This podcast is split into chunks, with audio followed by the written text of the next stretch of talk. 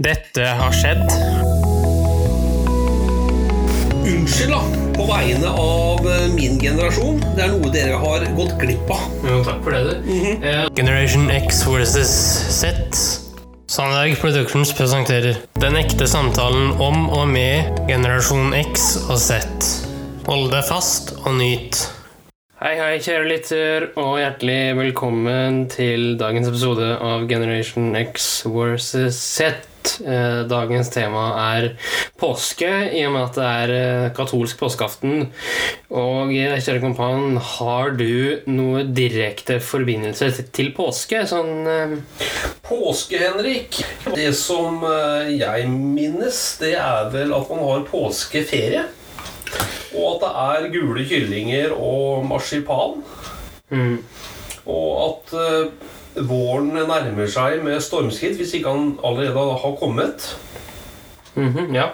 Eh, Der er du inne på noe, for eh, i dag, eh, 11. april, så er det nettopp påskeaften.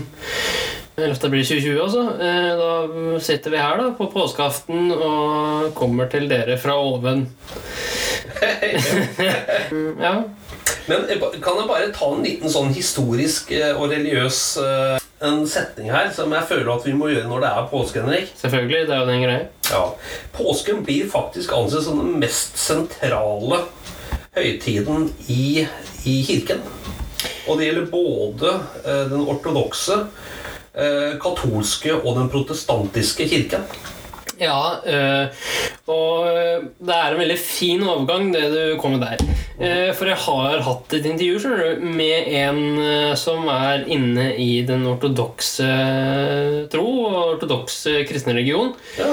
Og da kommer det her veldig fram, da, det du sa der, med at eh, det er en veldig markant høytid også der. Jeg skal ikke avsløre noe særlig mer nå, annet enn at det blir veldig morsomt.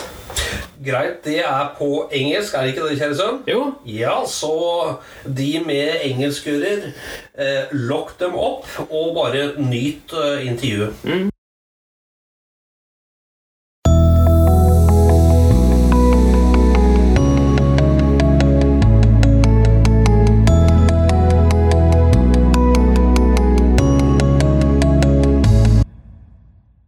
who are you? Hello, my name is Natalie. I'm teacher of foreign languages, German, Russian, and English, and I'm working as a coordinator with the schools in Germany. Hello, Henrik. How are you? Hello, I'm okay, thank you. I have some more questions for you about Ukraine. Yeah, most welcome. If you don't mind answering them. Of course, no, my pleasure. When is the Ukrainian slash Russian Orthodox Easter celebrated?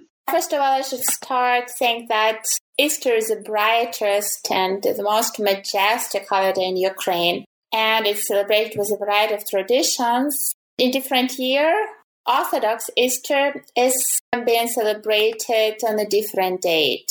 The celebration always takes place a week after the Catholic Easter. That would be from the 13th of April this year until So our, 19th. our yes, so our is celebrated exactly the week after Catholic Easter, and only I think two years ago it fell on the same day. The reason is that we keep to the different calendar. Ukrainians Easter follows the Easter day set by the Orthodox Christian Church.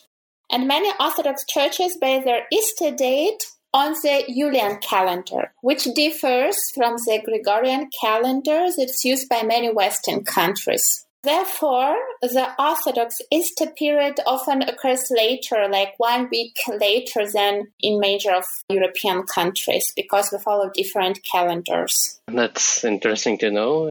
How was it celebrated in Ukraine when you were a child? Since I was a child, I always knew and we are brought in a way that Easter is the biggest religious holiday for us, for our country, and that's why everyone awaits Easter Day as a festive mood blooms through the country families come together and celebrate it with food.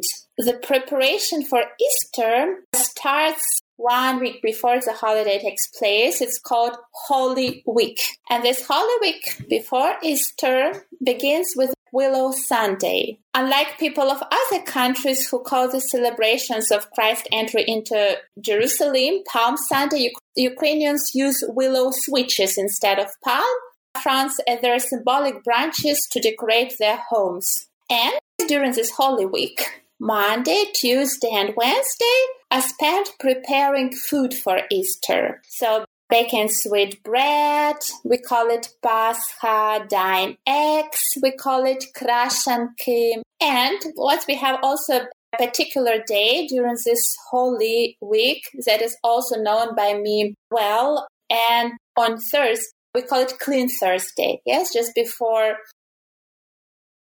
the last Thursday before Easter. We call it Clean Thursday. So people on that special day clean the house and themselves before the big holiday. Many people on that special day even visit the bathhouse, banya. This is our word for that on this day. And Good Friday, also known as mourning Friday, is the day when Christ died. So people are not supposed to eat anything, spend the day at the church.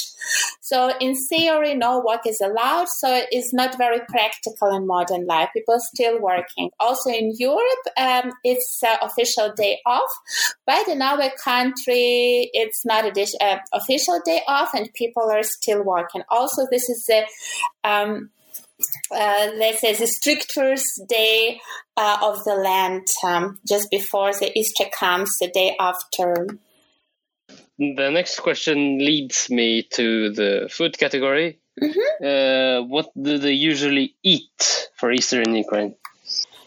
The main dish is um, Easter cake. The Easter cake, we call it Pascha, and it uh, quite differs from the one that one can find here in Europe. Because here, um, for instance, um, the traditions a little bit different. For us, Pascha. This is a traditional sweet bread that the housewife in every family is supposed to bake herself. And the preparation for baking also takes time. She starts a day before because she needs um, also to prepare herself mentally for the dough to make and then to wait a whole night before it grows. And then the early in the morning come on Saturday, she's baking this sweet, tasty, delicious bread that we call Pascha. Pascha is a delicious sweet festive bread, as I said, and is rich in butter, eggs, and baked only for Easter. That's why kids are looking forward to this holiday because this is the occasion that comes once per year when they can taste this sweet bread that is very delicious and full of.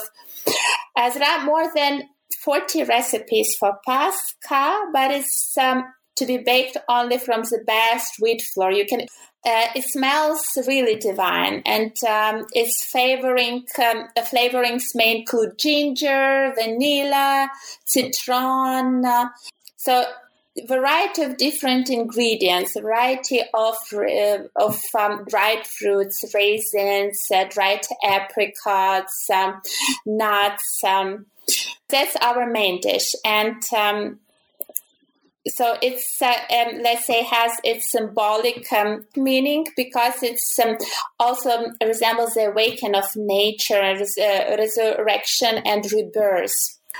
So this um, uh, that's why the baking of Pascha is a ceremonial affair. And the women preparing the bread were told to keep their uh, thoughts pure, and it was strictly forbidden to eat or even taste Pascha before it was blessed at the Easter service on Sunday. Uh, then the other dishes that we have are uh, eggs that we need to dye. We call them krashanki. Uh, Ukrainians traditionally uh, use natural dyers not artificial, rather natural. That's what we prefer since the time of our grandparents. That's what they taught us. Like, for instance, onion peel. Um, we can use some beetroot for red and pink. Uh, but nowadays, um, uh, of course, one can find also a wide range of food colorings. And this is so something that some families also practice these days. Isn't food coloring considered artificial coloring? Yes, some of those, uh, it's like uh, if the, the family really wants to make it healthy and keeping it uh, keep it to the old traditions, they would rather prefer to do it natural uh, because there are natural food items like beetroot and onion. And from onion, you can get the egg yellow, from the beetroot red. But uh, some um, still just because it takes more work if you want uh, to make natural um, coloring. That's why some still uh, like I'm not saying that hundred percent everyone is doing. Some people even don't do it at home; they buy it. Tradition is to do it yourself to do it the right way and to put all your all your soul and heart in it by by using natural dyers and by making this uh, special holy bread at home so uh, as i said uh, these dyers we use for eggs to dye easter eggs because another important ukrainian tradition is prepare those eggs that we called pisanka in Ukrainian language. And it's really a piece of art which requires good amount of time and effort to create if you want really to make it special. These are the main ingredients and the main food items that we prepare for the Easter day. Could lean on that question depending on how you answer, but how is it celebrated in Ukraine now?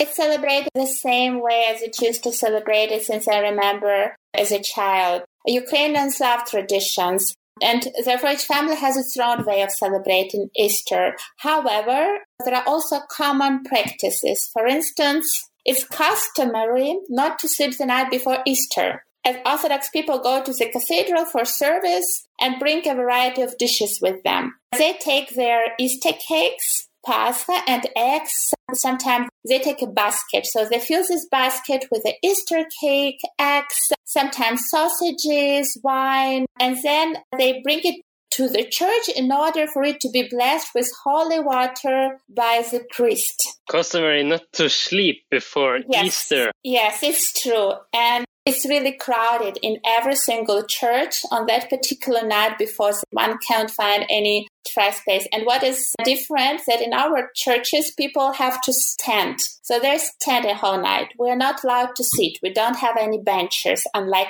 Catholic or Protestant churches. People are standing whole night and it's difficult. But when they really put their heart and soul in it, they believe that they will have a blessing and God forgive their sins. That's why many people go for overnight church service. And yes, it's not an easy task to stay stay in church all the night because, as I said, our churches have no seats, Orthodox churches. So most families they go to church on Easter morning. Those who cannot stand whole night, and because it's so crowded that it cannot accommodate all the people, most families they prefer to go to church on Easter morning before sunrise to be blessed by the priest. And of course, they take this basket with the holy bread, with the eggs along with them. And they also lit candles, which are filled as part of the Mass, the Easter baskets are blessed by the priest, and then those baskets families take home to eat in the morning, sitting all together as a family, all family members. This is how the celebration takes place because that's to note that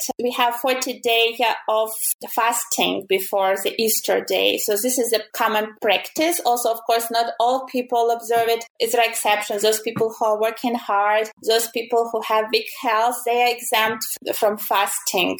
But fasting 40 days before Easter is practiced in Ukraine more than elsewhere. So during the Great Fasting, religious people are supposed to avoid eating animal products, meat, eggs, and dairy. Of course, if one imagines it, it's quite strict diet and it's difficult to keep it. Not everyone can keep it. It's really hard. So they try to, of course, avoid eating um, meat products products, dairy products. This is a part of fasting. And another part of fasting is make your thoughts clear and do good deeds and try to be close to God. If we come back to the celebration, according to local traditions, families begin their Easter meal with Pascha and diet eggs that housewives prepare beforehand. They bring it to church. Priests have holy water, so they are blessed with the holy water and they take this basket home. And every kid's favorite part of the morning is the game. We have this game that is called egg battles. When two people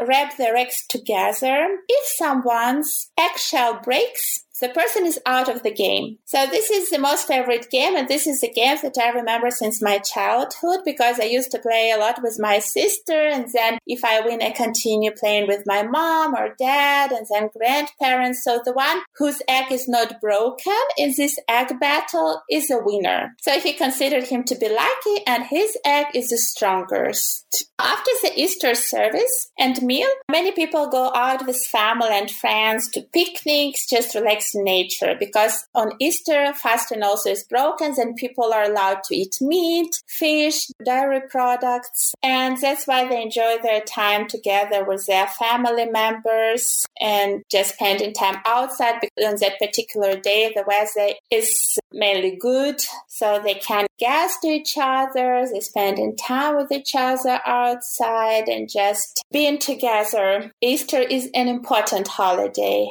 and it's a great opportunity to get together in a warm and festive atmosphere with their own family rituals and to call relatives, friends, to visit church. And on this day, what's important that instead of hello, you will hear people exchanging the sayings Christ is risen. In Ukrainian, it will sound Christos voskres.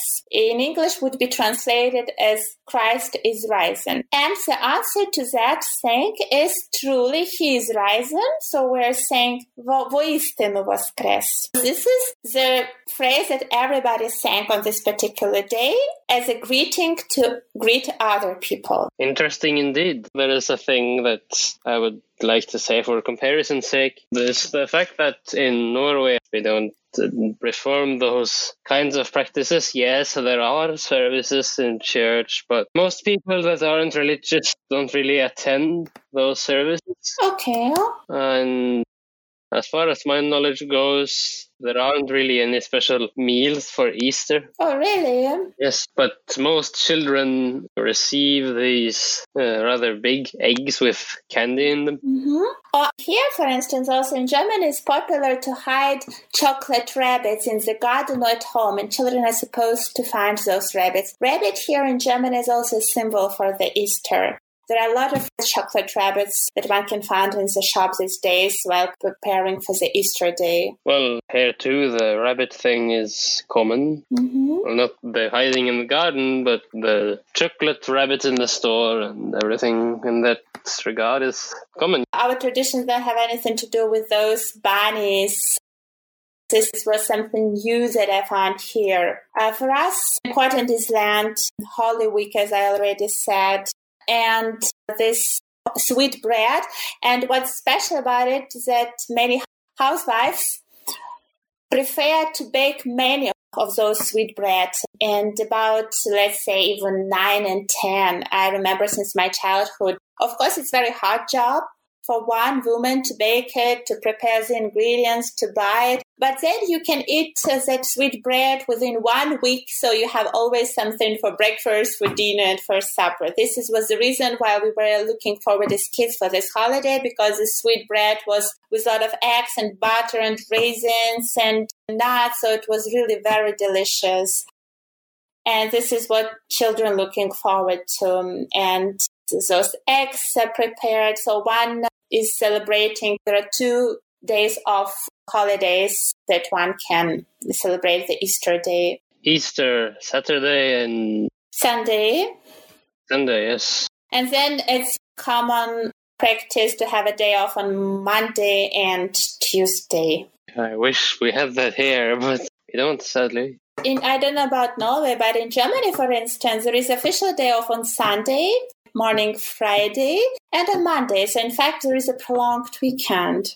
I don't know, of course, about what's about the common practice in Norway, but that's what I know. The practice in Norway is similar in the sense that you get a few days extra vacation. You celebrate Easter and then you go back to work or school or wherever. Yeah, for us, as I said, it's very majestic. Uh, people looking forward. It's a very big religious holiday and they said people standing in the churches just to make their soul and heart clean. And that's why the preparation takes time. We have the certain traditions that our nation keeps. This is for those who want to go to Ukraine for Easter vacation. Would you recommend going to Ukraine on Easter vacation if so, where would you recommend going? The issue is that Easter is a holiday that is celebrated in the family. So there are opportunities for family gather together. And of course, we have like festivals, the different exhibitions, and those who are interested in Ukrainian culture, they can attend those exhibitions where they can observe an amount of Easter art objects, like those mega pisanki. These are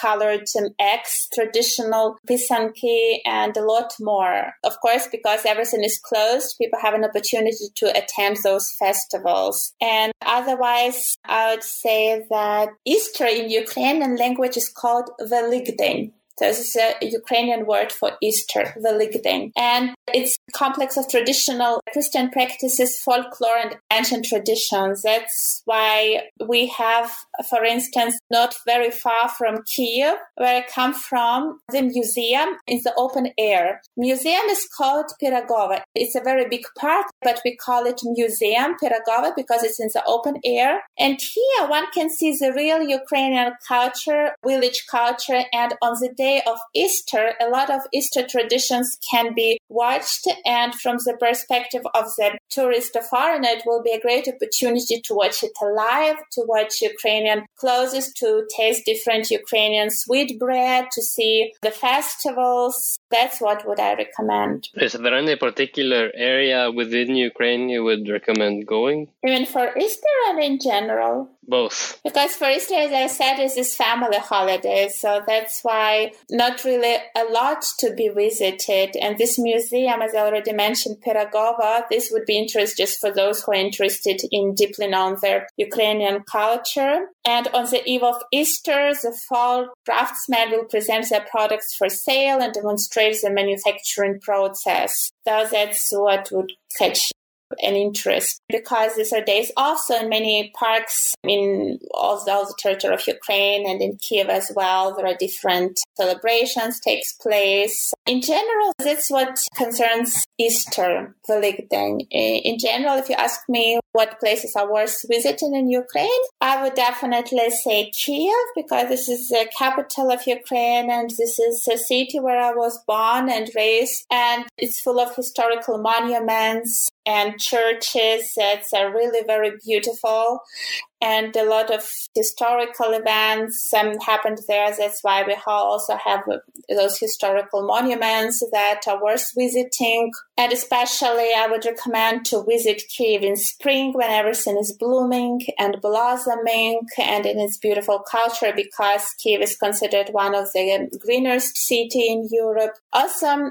I would recommend in Ukraine to visit Carpathian Mountains in the Western Europe because those are also famous for resorts and for the picturesque view. And of course, the south of Ukraine, where we have access to the sea with our resorts and sunshine and delicious fruits and vegetables that could be of different taste um, to the foreigners compared to the one he used to taste before. He did mention the thing with the vegetables in the previous interview we had, uh, and I would say that it might be worth a trip for that, or any of the other things you said, but I don't really know. I haven't been there myself. Yes, uh, I recommend you um, to visit, and you would really enjoy your trip and your experience. You did mention in the previous interview that the Ukrainians are a very hospitable people. What exactly do you put into that? If you were to expand on that and go in depth on that? They are friendly. They're always welcoming the guests, and they consider the, any foreigner and tourist when they invite them home. They treat him as a member of their family. So for them, it's important to feed him, and sometimes maybe foreign guests will find a little bit too much of uh, insisting because it's a common practice that a housewife or the owner of the house will even insist on you tasting this or that dish because they like to feed you they would like you to taste every dish that they prepared for you and cooked for you because we are Ukrainians. We like to lay the table with many dishes and with many traditional dishes so that the foreigner or the tourist can taste it or our guest can taste it and be happy about it and have a good mood. That's for us is important. That's what I put into the word hospitality. For instance, in Ukraine, when the foreigner comes to visit Ukraine and he doesn't know how to make his way here or there, he can't find his destination. If he asks any person in the street, he will definitely help him and explain him. And even if he doesn't speak the language, he will try to show it the destination just to make his best and to apply all efforts to explain and to help him as much as he can in his problem or in his request. That sounds like a place I might want to live in or be in for an extended period of time just because of, like you said, hospitality and helpfulness, really. Yes, they're really helpful. And for us, we are ready to help the, person who is in need. So we really, really understanding, friendly, and hospitable nation, and that's what I love about my own country. On that note, do you have anything more to say about Ukraine for Easter, or just in general? The main things I already said about the Easter that we're looking for this holiday, and it's gonna um, happen soon and preparation takes some time, but every woman enjoys the preparation for the special holiday. And what should I add more about it? That along with the holy sweet bread and eggs, we have much more dishes that we also prepared for the Easter dinner because it's the last day of fasting. So on the Easter day after the church service, one can break the fast and eat another type of food, another different dishes set of meat and fish and dairy products to have looking always for this holiday as a kid. Uh, as I already said, knowing there's a game called Egg Battles or Egg Knocking. This is something that I can remember from my childhood. And as I said, Ukraine doesn't have the concept of an Easter bunny. The chocolate and candies that do not really play a traditional role like they do here in Europe. So for us, we have the different dishes that we consider to put into the basket and then make it blessed by the holy water in the church. And a week after Easter is the time for memorializing the dead people in Ukraine. So for those dead relatives and family members, that it comes a week after the family bring baskets of food and small gifts to cemeteries and leave them for their ancestors. This is often a religious ceremony and it happens in every village and in every city. So this is what comes stage after the Easter. What can you expect if you were to land in Ukraine on Easter Saturday or Sunday? You can expect a family busy at home preparing for the church service. A lot of people, the churches prepare itself for the celebrations, priests have special festive clothes. The church is also decorated uh, specially, and on that particular special in the evening and close to the evening time, you can expect seeing people making their way to the churches.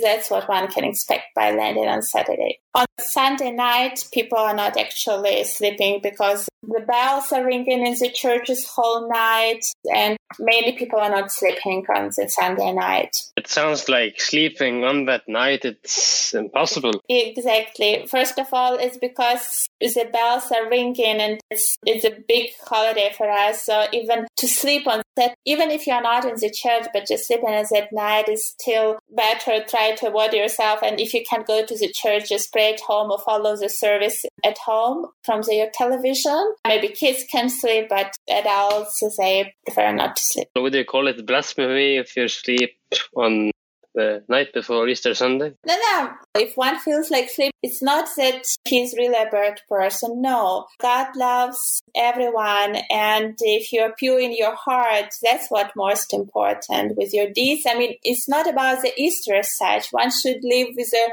clear and pure thoughts and with a good deeds throughout his life. So it's not only about the Easter, it's about the whole life. That's what's important. And that's what God sees and he values this behavior during all your life and not on that particular night, on that particular day. But you need to behave as a real human being with the values throughout your life. This matters very much. True. It goes for everyone, really. Yeah, true. Yeah, that's what I'm saying. That's what is important. Shall we close this Yeah. Easter? So it was my pleasure. Thank you for attending. Thank you very much, Henrik. Bye. Bye. Ja, eh, og det som også ble sagt her, da, det var at eh, i Ukraina, som vår kjære gjest kommer fra, så er påske noe litt annet og noe litt mer religiøst enn i f.eks. da Norge eller Tyskland, da. Som også ble nevnt opptil flere ganger. Men jeg vet ikke hva du tenker, jeg. Uh... Jo, jeg tenker vel at vi i Vesten, altså iallfall i Norge, er sånn litt avhengig av hvilket miljø man er i, selvfølgelig. Sin egen feiring. Men det var nok mer en religiøs høytidsstund Uh, også tidligere i Norge. ja. Men at vi har Ja, utviklingen uh, har medført en litt annen greie. Ja, og så har man jo det som også ble sagt her, at man sover ikke før eh, første påskedag. Den, den hadde vært veldig Den Skal vi prøve å kopiere den, eller? Da må man ha kirker som har gudstjenester hele, et helt døgn. Ja. Du må ha en kirke som har en gudstjeneste i et helt døgn. Ja. Og det har man jo ikke i Norge. Nei. Den tror jeg blir veldig vanskelig å kopiere hvis ikke man tilfeldigvis er i Ukraina når det feirer påske. Ja. Å introdusere noe sånt nå, da må man ha noe ekstra i tariffavtaler både med det ene og andre og arbeidstid, og her er det full pakke. Men Henrik, hør nå her, da. Mm. Vet du at eh, det var jødene som feiret påske lenge før de kristne Ja. feiret påske? Ja, ja, ja. Eh, Jeg vet at eh, jøde... Altså, kristendommen er egentlig en eh, litt mildere kopi av jødedommen. Så det visste jeg. Men Men vet du hvorfor jødene feiret påske? ja, det var jo Ja, ja, ja. Selvfølgelig. Hvorfor det? Nei, det var jo for å Ja, for å spise og for å markere at våren var her og sånn. Ja. Jeg har lest meg litt opp, Henrik, som jeg noen ganger pleier å gjøre. da. Du pleier å gjøre det ganske ofte, spør du meg, men Mm, ja, ok, det er litt rann, kanskje. Men ord, ordet påske, det kalles for perska. Er, Ja, perska det nevner også hun her, da. At det heter? Altså dette er et brød, da. ja, Som også ble nevnt i det intervjuet du hørte, kjære lytter, heter også perska. ja. Som man kun spiser til påske. Jeg må bare ta den, Henrik. Jødene feiret påsken lenge før de kristne gjorde det. Fordi de feiret som Moses som førte jødefolket ut av slaveri i Egypt.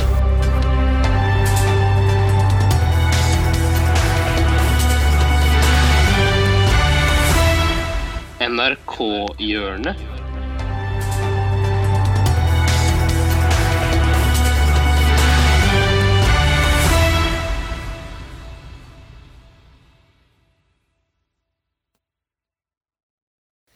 Vi skal selvfølgelig ha NRK-hjørnet i dag, og da tenkte jeg vi skulle ta en eh, aldri så liten avstikker. Den avstikkeren består av et innslag fra verdens minste kommentatorboks. Fra Det Delsmanske bibliotek, eh, trolig i Oslo. Eh, men jeg vet ikke hvor det er, men jeg bare vet at det er i Norge. Mine damer og herrer, hjertelig velkommen til verdens minste kommentatorboks her utenfor Deichmanske bibliotek. Vi NM i Blindern-studenter, tror jeg? Ja, det er NM i Blindern-student. Han scorer godt der. Ser ut som han studerer kanskje statsvitenskap. Ja, det er nok tredje året på statsvitenskap. og her også. Jeg blir passert av en annen god deltaker i NM i Blindern, dette her også. Ja. Så jo hatten tilsier antageligvis kjønnsstudier, eller russisk. Ja, ikke langt unna. Kommer Støvel uh, Støvel uh, rikmanns sønn. Han eh, er folkelig i bånn, borgerlig i toppen. Absolutt. Så har vi det kjente trekløveret. Ække, bække og klække. Ja, de er danske brødre alle sammen. Ja, herr og fru Kygo. Herr og fru Kygo. kommer, eh, Hva har de vært og leid da? Så har vi Det er rett og slett uh... Tussi og Tønne. Så har vi Jason Mraz. Jason Brass. Eller tyske Skal- Jason tysk- tyske Jason Mraz skal levere tilbake en. VHS og to bøker. Slags Dan Børge. Oi, oi, oi, det er ninja på sykkel, det. Hattori Benzo-boks eh, Nigiri. Så har vi strikk. Vi har NMI-strikk, og vi har en klar leder. Ja, absolutt. Det er jo Både eh, hatt, vante og er. genser. Vi har eh, endelig fått besøk av depressiv hund. Depressiv hund, ja. Det er dessverre en veldig deprimert trist, hund. eh, Trist, trist, trist hund som ser eh, veldig trist ut, men eierne er blide og glade. Verdensmesterskapet ser fram og late som ingenting. Oi! Oi, tapte der. Tapte der. Så det sang. Nei, her er jo eh, Lill Linda Lilla. Da har vi Lugg Alfredsson. Lugg Alfredsson. Den kjente artisten Lugg Alfredsson. Tredd. Tredd nedover. Er det en hatt lagd av slips nå?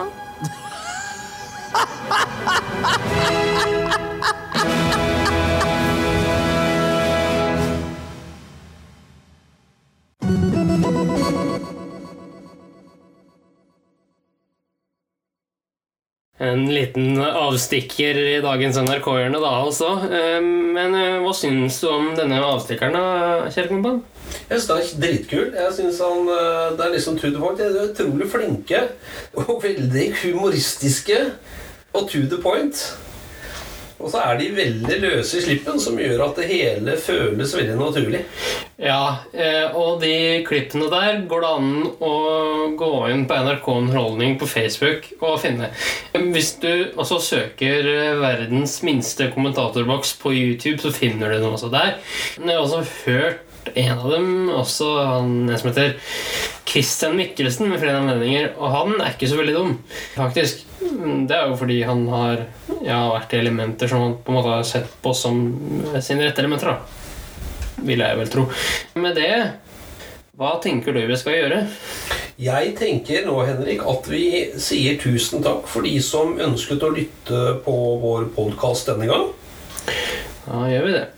Tusen takk, alle sammen, og hjertelig velkommen ved neste anledning. Skal vi si det på det viset, Henrik, eller? Det gjør vi, vet du. Ja, flott, da. Men Henrik, alltid så fornøyelse å lage pod med deg. Jo, takk det samme, du. Og hjertelig takk. Bare hyggelig. Ha det godt. Ha det godt. Tusen takk for at du fulgte oss. Gi gjerne tilbakemelding, likes eller kommentar på Facebook-siden vår Generation X versus Z. Velkommen igjen til neste podkastepisode. Hei då!